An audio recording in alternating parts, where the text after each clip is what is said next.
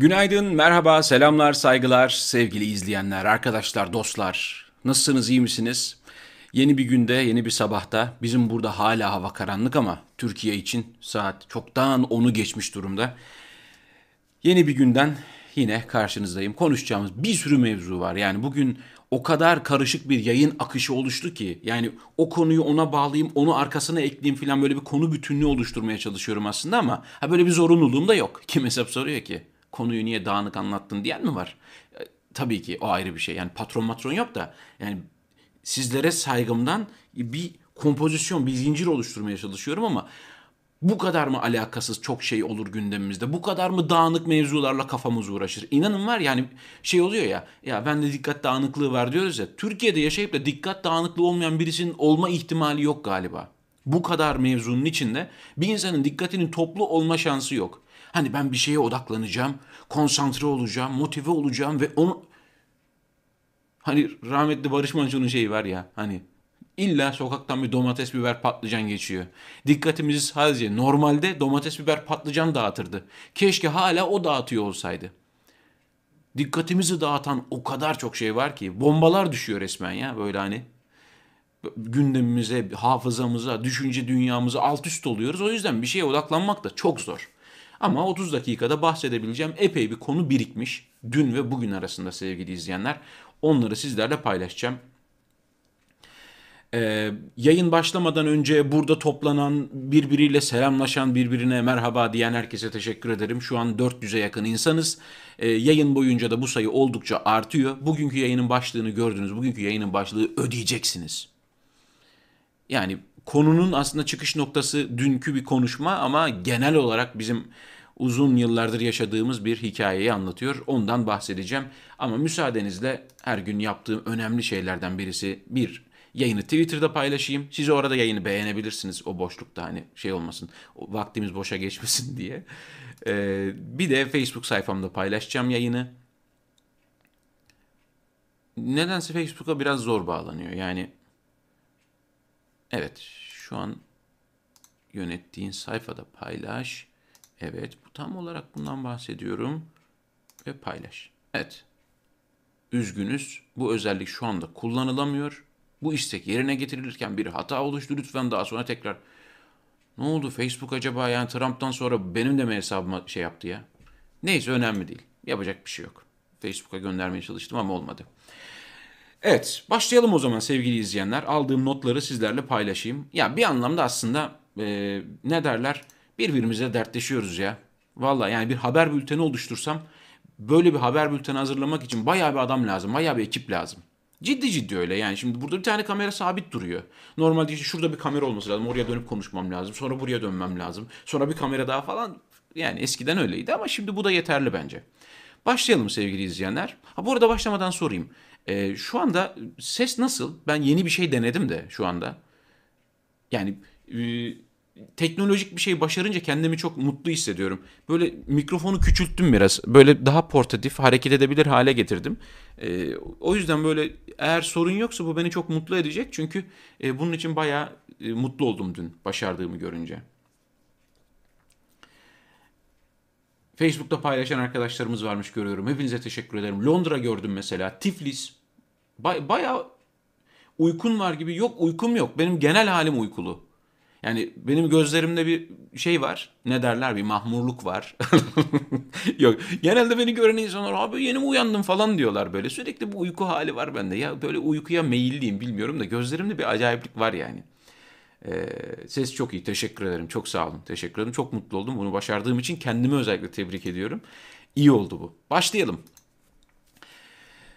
Cumhurbaşkanı Erdoğan sosyal medya şirketlerine seslenmiş. Ey Instagram, ey Facebook, ey Twitter, ey YouTube demiş aslında. Öyle dememiş olsa bile e, aslında ruhu öyle diyor. İçinde bir şey var öyle sesleniyor sürekli. Burada ofis kurma ama buradan reklamlarla her şeyiyle paraları al, topla ve Türkiye'yi adeta bir soygun cennetine çevir. Kendisi hırsızlığa, soyguna prensip olarak karşıdır zaten. Hırsızlık falan Değil mi? Sayın Cumhurbaşkanımız varken bu ülkede kimse hırsızlık yapamaz. O kadar net bak. Türkiye'yi soygun cennetine çevirmelerine izin vermiyor. Yok böyle bir şey. Cezalar kesilmeye başlayınca onlar da kuzu olmaya başladılar. Ödeyeceksiniz. Ya. Ödeyeceksin hatta pardon ya ödeyeceksin. Ben nezaket falan niye böyle bir hataya düştüm ya? Hani ödeyeceksin. Ödeyeceksin kardeşim. Ya ödeyeceksin birader. Ya, şimdi arabanı buraya park ediyorsun ya. Sen bana oradan bir 20 lira ver ne olur ne olmaz. Birisi gelip çizebilir arabayı abi. Biz koruyalım arabayı değil mi? Ha. İşte bu. Otopark mafyası ne yapıyorsa aynısı bu sevgili izleyenler. Ödeyeceksin. Ödemezsen araban çizilir. Bu ödeyeceksini biz yıllardır yaşıyoruz. Yıllardır yaşıyoruz. Hani vardır ya o. En korkuncu nedir? Çocuğun elimizde. Değil mi? Filmlerden hatırlıyoruz. Her filmde olur aşağı yukarı böyle. Çocuğun elimizde, karın elimizde. Eğer bilmem ne kadar parayı vermezsen polise haber verme. Bak polise haber verme. O, polisi ortadan kaldırıyor, yargıyı ortadan kaldırıyor. Falan. Bak çocuğun elimizde. Bunun en fenası ne biliyor musunuz? Ülke elimde. Geleceğiniz elimde. Ödemezseniz bu kadar. Bunun bir diğerini Avrupa'ya yapıyor işte. Elimde 3 milyon 4 milyon Suriyeli var salarım üstünüze. Ödeyeceksiniz. Ödettiriyor. Burada temel problem şu. Böyle pazarlık yapacak birisinin eline güç geçmemeli. Böyle pazarlık yapacak birinin eline güç geçerse ya otopark mafyası olur ya bir yerde şantaj yapar ya bir yerde bir şey yapar. İşte bu kadar güçlenince de bunu yapıyor. Biz de köprüden geçsek de geçmesek de ödüyoruz. Yaksak da yakmasak da ödüyoruz. İzlesek de izlemesek de ödüyoruz. Değil mi? TRT vergisiymiş bilmem neymiş falan filan ödemeye devam ediyoruz yani. Her anlamda, her anlamda. Bunu maddi olarak da manevi olarak da neyse bunun cezası hep beraber çekiyoruz. Yani aynı gemideyiz. Evet bu konuda aynı gemideyiz sevgili izleyenler. Bu tabii ki ödenenlerden kendi payına düşeni alanlar için bu ödeyeceksin lafı güzel. Onların hoşuna gidiyor. Onlar da ödüyorlar bu arada. O dev ihaleleri alan beşli çeteler onlar da ödüyorlar yani sonuçta. Vermeleri gereken neyse hatırlayın. Kucağımıza oturacaklar lafını hatırlayın sevgili izleyenler. Burada paylaşamıyorum. Yayın yasağı getirirler. Videoyu kaldırtırırlar da. Yani kucağımıza oturacaklar. Sıfırlama tapesini hatırlayın. Yani biz bunu bizzat yaşıyoruz. Sosyal medya şirketleri de yaşıyorlar. E, ofis açacaklar, cezaları ödeyecekler. E, bu inşallah onları e, A Haber'e dönüştürmez. Benim buradaki temel endişem, korkum bu. İnşallah A Haber'e dönüştürmez. E, ben size bahsettim işte sürekli Twitter'dan erişim engeli mailleri geliyor. Diyor ki şu e, içeriye diyor erişim engeli geldi diyor mahkemeden. Dilerseniz diyor siz diyor tweet'i kaldırın ki diyor. Biz diyor hesabınızı şey yapmayalım. Banlamayalım yani. Kapatmak zorunda kalmayalım. Twitter kendince sizin hesabınızın Türkiye'de açık olması için bir çaba gösteriyor. Tabii ki mahkeme kararını iptal ettiremiyor. Tabii ki mahkeme kararına bir şey yapamıyor. Bağımsız ya mahkemeler. Nasıl müdahale etsin normalde? Öyle. Bakalım göreceğiz sevgili izleyenler. Daha ne kadar ödeyeceğiz? Daha ne kadar ödeyecekler? Nereye kadar gidecek bu mafya pazarlığı, bu otopark mafyalığı? Daha nereye kadar gidecek? Yiğit Bulut'un düzeltiyorum. Yiğit Bulut'un yalakalığı boşa gitti diyenler. Unutmayın hiçbir yalakalığın boşa gitmeyeceğini en iyi yalakalar bilir. Aynı cümle içinde üç kez yalaka ifadesini kullanan bu kişi Ahmet Hakan Coşkun bu tweet'i 11 Nisan 2011'de atmış sevgili izleyenler. Aradan geçen 10 yılda Ahmet Hakan Coşkun bu sözün ne kadar doğru olduğunu, ne kadar ileri görüşlü bir insan olduğunu sırf bu yüzden adama saygı duysak yeridir göstermiş ve e, Cumhurbaşkanı Erdoğan'ın elinden medya Oscar'ını almış. Ya. Hiçbir şey demeden şuraya geçiyorum. Basın İlan Kurumu Yönetim Kurulu Başkanı Mehmet Zahit Sobacı, cezaevinde gazeteci olduğunu iddia eden kişiler basın kartına sahip değil. Bu boşlukta küfür ediyorum ben. Sadece.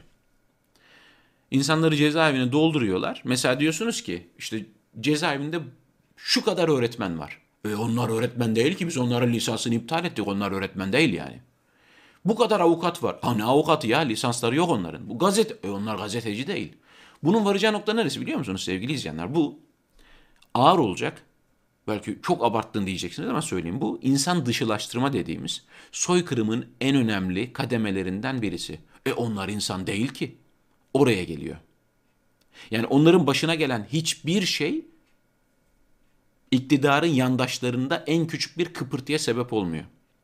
Eğer birilerinin başına gelen kötülük ve adaletsizlik bir insanın vicdanında en küçük bir kıpırtıya sebep olmuyorsa, o olsun hak etmişlerdi diyorsa, kendisi yandaş olmadığını iddia etse bile köküne kadar yandaştır. Bu da onun ayrı bir sağlaması sevgili izleyenler. Ama onlar da insan değil ki.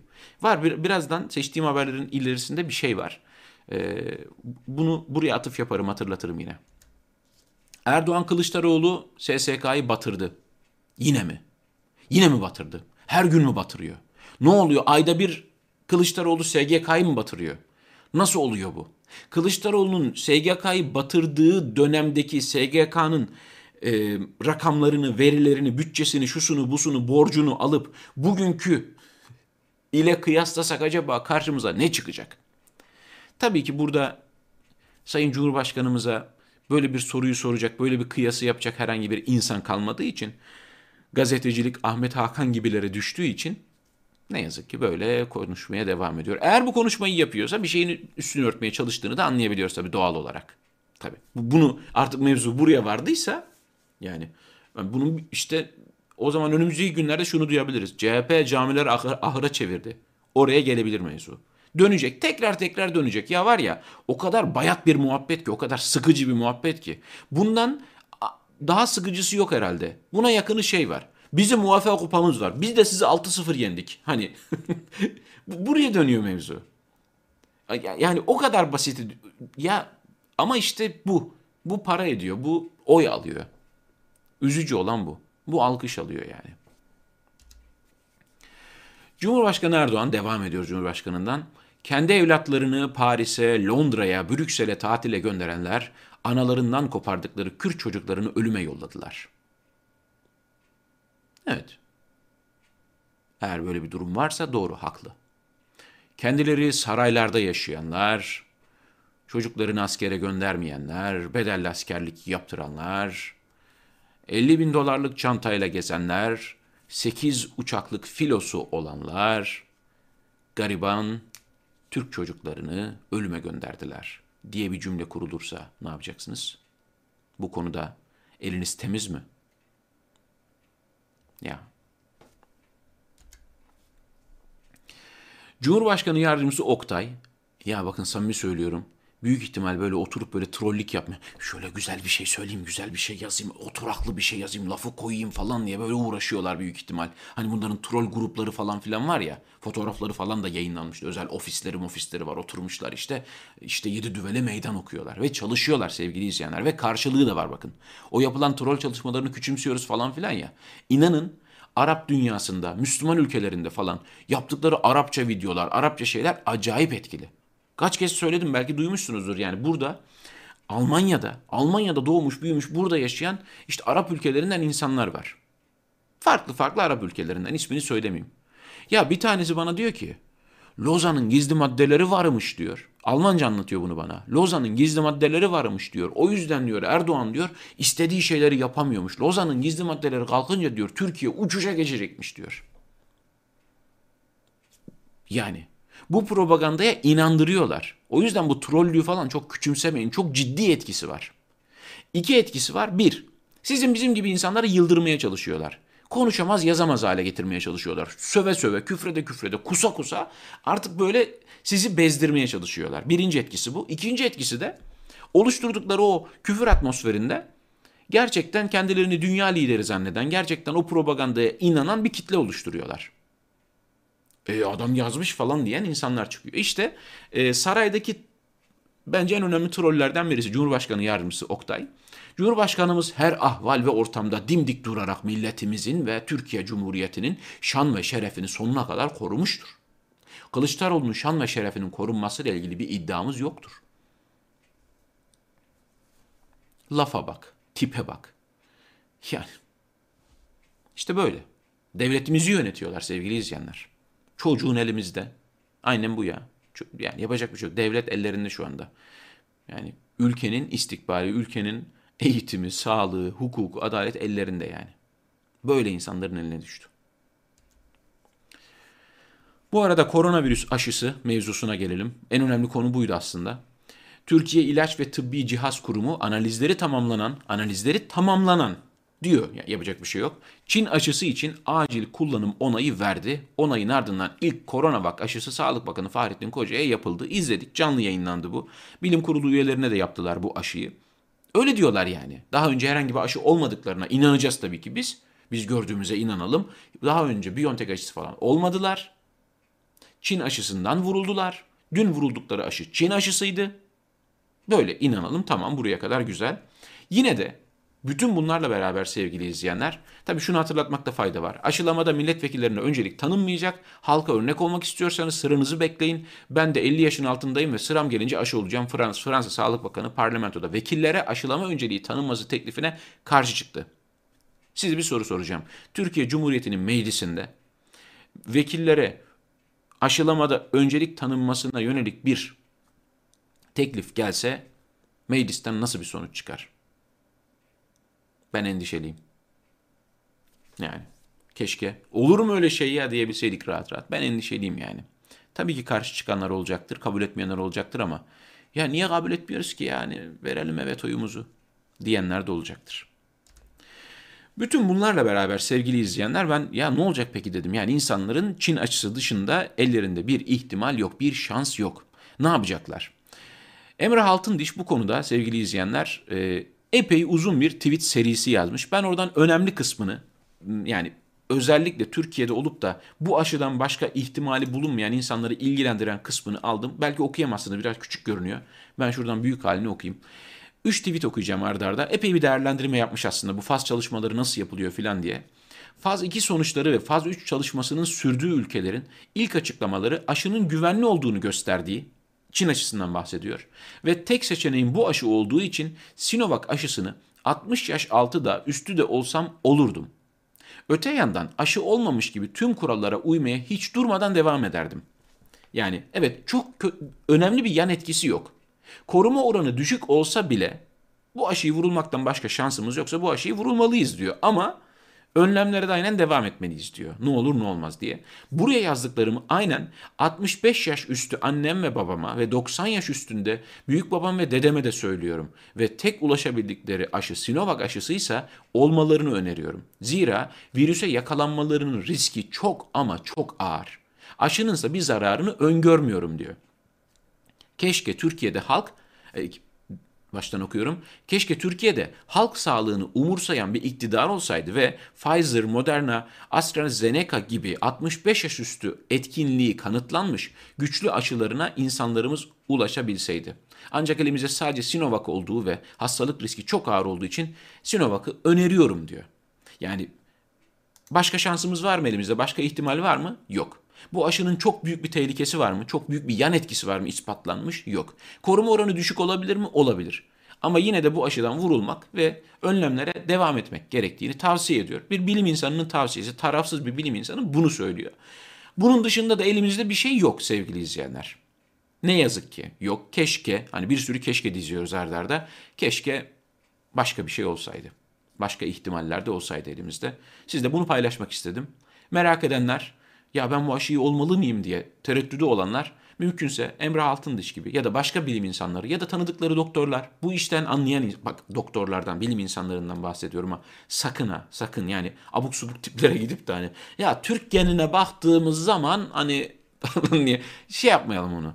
Yani hayatımızı sağlığımızı riske atmayalım. Ee, elimizde şu an başka ihtimal yok. Ne acı bir laf değil mi? Başka ihtimal yok. İş Sağlığı ve İş Güvenliği Meclisi'nin raporuna göre 2020'de en az 2427 işçi hayatını kaybetti. En az. Bu rapora geçenler, bunların acaba hepsi sigortalı mıydı? İşçi olarak sigortaları yatıyordu ve o yüzden kayıtlarda mı vardı? Acaba işsiz olarak çalışan, sigortasız olarak çalışanlar, işsiz görünen insanlar burada varlar mı bu sayının içinde? Suriyeliler var mı? Suriyelilerin gariban çocukları var mı? Kayıtsız çalışan insanlar. En az, o yüzden en az 2427 işçi çalışırken ölmüş sevgili izleyenler. Peki hangi şartlarda çalışıyorlarmış? Haftalık çalışma süresi Almanya'da 34.3 saat, Şili'de 42.8 saat, Türkiye'de ise 47 saat. Haftalık çalışma süresi. Bundan daha fazla çalışanlar da var mı? Tabii ki var. Bu bir ortalama. Çok daha fazla çalışan, çok daha ağır şartlarda çalışan, çalışmasının karşılığını alamayan o kadar çok insan var ki. Hatırlatayım dedim yani. Şu fotoğraf konuşuluyor. Konuşmaya da devam edecek. Çünkü siz sağda solda ahkam keserseniz hem sahada hem masada varız. Bizden habersiz Orta Doğu'da yaprak kıpırdamaz. Orta Doğu'da kartları bundan sonra biz karacağız birader. Azerbaycan'da da varız, Suriye'de de varız, Mısır'da da varız, Libya'da da varız. Her tarafa hani böyle konuşursanız bu fotoğrafı da suratınıza çarparlar. Burada neredesiniz? Masanın neresindesiniz? Yoksa dışarıdaki bir sandalyede oturmuş bekliyor musunuz? Bu fotoğrafta Türkiye yok sevgili izleyenler. Dün de söyledim işte Putin, Aliyev ve Paşinyan oturmuşlar konuşuyorlar. Bunu savaştan önce oturup konuşmayı başaramadılar, beceremediler. Binlerce insanın ölmesi gerekti. Demek ki demek ki o gerekiyormuş onların açısından bakarsanız. Ee, birisi zafer kazandı, birisi kaybetti ama asıl kazananın kim olduğu masadaki fotoğraftan da oturuştan, halden, tavırdan, vücut dilinden de belli. Masada yokuz ama şurada varız. Hemen şunu göstereceğim sevgili izleyenler. Azerbaycan Türk firmaları kurtarılan toprakların yeniden inşasına çağırdı. Evet, biz buradayız işte sevgili izleyenler. Biz oraya inşaat yapacağız. Şimdi Beşli Çete'nin ağzının suyu akmıştır. Cengiz Holdingler, Kalyonlar, şunlar bunlar hop. Tabii. E şimdi gidecekler oraya. Biz bir inşaat akını düzenleyeceğiz. Tabii inşaat seferine çıkacağız. Oralara bina yapacağız yani. Dağlık Karabağ işte inşaat yapılacak. Bu. Bu kadar sevgili izleyenler. Bu kadar. Suriye'de inşaat yapacağız diyor. Libya'da inşaat yapacağız. Her yere TOKİ yapıyoruz biz. TOKİ teklifiyle gidiyoruz ya. Biz size şöyle güzel bir site yapalım. Siz de bize hani elimizde başka bir şey yok. Elimizde başka bir şey yok. Yani 20 yılın sonunda 18-20 yılın sonunda ne var ne ürettik? Kalıcı olarak e, neyimiz var? Betonumuz var. Beton. Şimdi insan dışılaştırmak dediğim şey vardı ya. Oraya atıf yapıyorum. Konuştuğumuz o cezaevinde gazeteci olduğunu iddia edenler gazeteci değiller. Çünkü sarı basın kartları yok dediğimiz noktaya. Şimdi orayı hatırlayın, burayı hatırlayın sevgili izleyenler. Huawei Çin'de sokakta yürüyen Uygurların tespitini sağlayan teknolojinin patenti için başvuru yaptı. Yok canım ya o kadar da olamaz. nasıl yani? Olabilir, olabilir sevgili izleyenler, olabilir. Artık teknoloji buralara geldi. Bizim bilim kurgu filmlerinde gördüğümüz, me- mesela izlediyseniz Person of Interest dizisinde gördüğümüz akıllı bilgisayarlar. Tabii insanın halinden, tavrından, vücut ısısından, yürüyüş şeklinden falan filan bir sürü sonuç çıkaran, sonra bu çıkardığı sonucu bir merkeze ileten bilgisayarlar artık var. Ve bu teknoloji Huawei Çin'de uygulamaya başlanırsa Türkiye, İslam ülkeleri, Türk devletleri neden buna karşı çıkmıyor diye biz kendi kendimizi yiyoruz ya. Dünden beri benim kafamda bir şey değişti, bir düşünce değişti. Dedim ki Çin'in yaptıklarına neden karşı çıkmıyorlar? Çünkü imkanları olsa Çin'in yaptıklarını onlar da kendi ülkelerinde yaparlar. Orada bir prototip görüyorlar, bir inceleme, bir örnek görüyorlar bence. Oradan ilham alıyorlar. Oradan esinleniyorlar belki de. Ah biz de yapabilsek diyorlar. Değil mi? Mesela Türklük, Turan ülküsü falan diyen MHP. MHP'nin elinde imkan olsa Çin'in Uygurlara yaptığını Devlet Bahçeli ve ekibi Türkiye'de birilerine yapmaz mı? Mesela Huawei bu teknolojiyi gerçekten geliştirirse, patent alırsa, kullanmaya başlarsa bunu ilk alıp kullanmak isteyen kim olur? Hani yolda yürüyen muhalifmiş, bilmem neymiş, terörist ilan etmek istediği insanları düşünsene tespit eden bir teknoloji var. Görüyor hop al bunu, al bunu. Al bu, bunu da al, bunu da al. Bakın ellerinde böyle bir teknoloji yokken tamamen kendi kafalarındaki zan dedektörüyle insanları terörist ilan edip iftiralarla, şunlarla bunlarla. Bir de ellerine böyle bir teknoloji geçerse. Kimin ağzının suyu akar? Kim kullanmak ister bunu en çok? O yüzden hani Çin'in Doğu Türkistan'da yaptıklarına neden karşı çıkmıyorlar? Bunu bir atalım bunu kafamızdan. Bir, destekliyorlar, onaylıyorlar. Onaylıyorlar bir kere yani. Sessiz kalmak falan değil, görmezden gelmek falan değil, destekliyorlar. Zaten böyle durumlarda sessiz kalmak da desteklemek demektir de. Diğer taraftan böyle bir teknoloji çıkarsa alıp ilk kullanacak olanlar da kendileri zaten. Kimlere karşı kullanılabileceğini de zaten tahmin ediyorsunuzdur. Şöyle söyleyeyim. Din, dil, ırk ayrımı yapmaksızın kendilerine düşman belledikleri herkesin üzerinde kullanacaklar. Ayrım yapmadıkları tek konu burası. Yani ırkçılık yapmadıkları tek konu burası. Yeter ki kendilerine muhalif olsun. Trump, Amerikan tarihinde hakkında iki kez azil soruşturması başlatılan ilk başkan oldu. Amerikan Temsilciler Meclisi, Başkan Donald Trump için azil soruşturması başlatılmasını kabul etti. Şimdi şeye gidecek, senatoya gidecek, orada ne olacak? Yani artık zaten geriye kaç gün kaldı? 6 gün kaldı. Bu 6 gün içerisinde azledilebilir mi? Süre yeter mi? Ee, göreceğiz.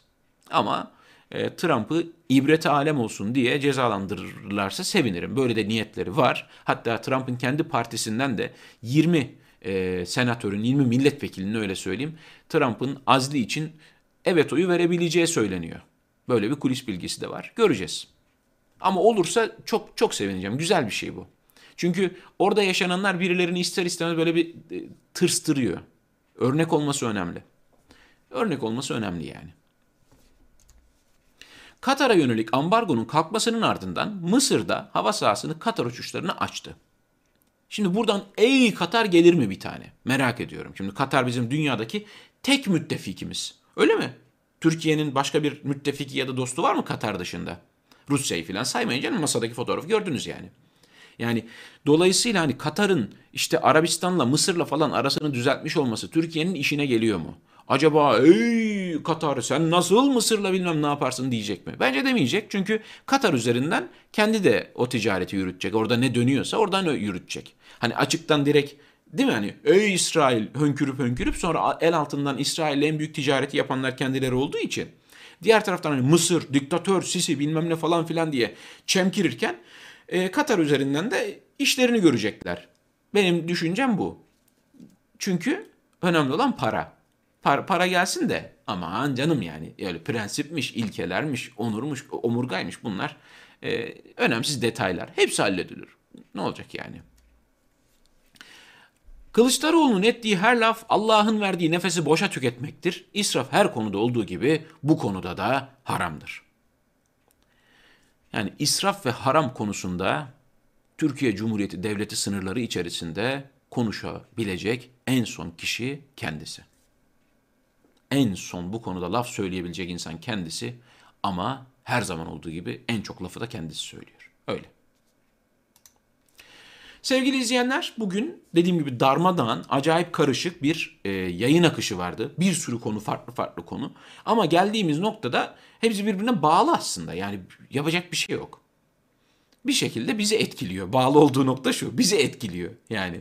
Konular farklı. Siyaset, ekonomi, işte eğitim, sağlık, dünya, politika bilmem ne. Arkadaş biriz de bizi etkilemesin ya. Biriz de bize dokunmasın yani. Hani geçen söylemiştim ya benim çocukluk arkadaşımın müthiş lafı. Kardeş bir yerde inecek bir gazlık varsa biz giderik arar buluruk onu yerik. Hani bir yerde bir sorun mu var? O biri de bizi etkilemesin yani. Biri de dokunmasın. Adam orada yolsuzluk yapıyor ceza yine biz ödüyoruz. Bilmem bir şey oluyor yine biz ödüyoruz. İşte orada savaş oluyor ucu bize dokunuyor. Bir yerde yani hani ödeyeceksiniz var ya bugünkü yayının başlığı. Biz farkında değiliz ya da farkında değiliz. Bazen cüzdanımızdan, bazen zamanımızdan, bazen hayatımızdan alıyorlar. Çalıyorlar, götürüyorlar. Ödediğimizi fark ediyoruz ya da etmiyoruz ama ödüyoruz. Burada madem ödüyoruz, madem çalıyorlar, farkında olmak farkında olmamaktan bir nebze daha iyi. En azından çalanın kim olduğunu bilelim. Nasıl çaldıklarını bilelim. Bir daha çaldırmamak için zamanımızdan ve hayatımızdan ve tabii ki paramızdan çaldırmamak için ne yapacağımıza dair bir fikir geliştirelim. Kendi aşımızı üretelim yani. Hırsızlık aşısı, ne bileyim dolandırılma, kandırılma aşısı falan artık bu aşı yerine geçsin. Yani hiç olmazsa buradan bir şey kazanalım ya, bir bağışıklık kazanalım yani. Tamam bak bu delikten ısırıldık. Doğru mu? Bu deliğe parmağı soktuk ve ısırıldık. Bir daha sokmayalım yani. Bir defa düştük, bir daha düşmeyelim. Kendi aşımızı üretelim. Toplumlar kendi aşılarını, toplum vicdanı, kamuoyu vicdanı falan diyorlar ya. Kendi aşısını kendisi üretmek zorunda. Yaşanan bu kadar şey bir bağışıklık kazandırmak zorunda. Dönüp dönüp aynı yerden ısırılacaksak yani bu kadar yediğimiz dayağın ne hükmü var? E biz o kadar dayağı niye yedik? Öyle sevgili izleyenler. 30 dakikalık yayını başarıyla noktalamış olmanın, sonuna gelmiş olmanın mutluluğunu yaşıyorum. Ahmet Bey kimse beceremiyor. Uzun adama söz geçirebiliyor musunuz? Ya öyle şahsına dair bir şey zaten beceremezsiniz. Yani o umutsuz vaka ama hani diyorum ya sadece Türkiye'de çoğunluk bu kötü gidişe karşı bir fikir geliştirse sorun çözülür yani. Sürekli vurguladığım şeyi yine vurgulayayım. Yani ilkokulda e, gençliğe hitabeyi siz de ezberlemiş miydiniz ilkokula giderken sevgili izleyenler? Ben ezberlemiştim gençliğe hitabeyi. Mecburdu çünkü ezberletiliyordu ve ezberledim yani. Ezberim de iyidir ve kolay kolay da zihnimden çıkmaz. Aklımda kalan en önemli cümle şu. Milleti içinde bulunduğu durumdan, günümüz Türkçesini çeviriyorum, yine milletin azmi ve kararlılığı kurtaracaktır. Bunun dışında bir kurtuluş yok. Eğer bu gidişattan memnun değilse halk bunu göstermek zorunda. Bunu da nasıl gösterir? Yani o kadar seçim oldu ya. O kadar seçim oluyor. Yani bir şekilde bunun değişmesi lazım.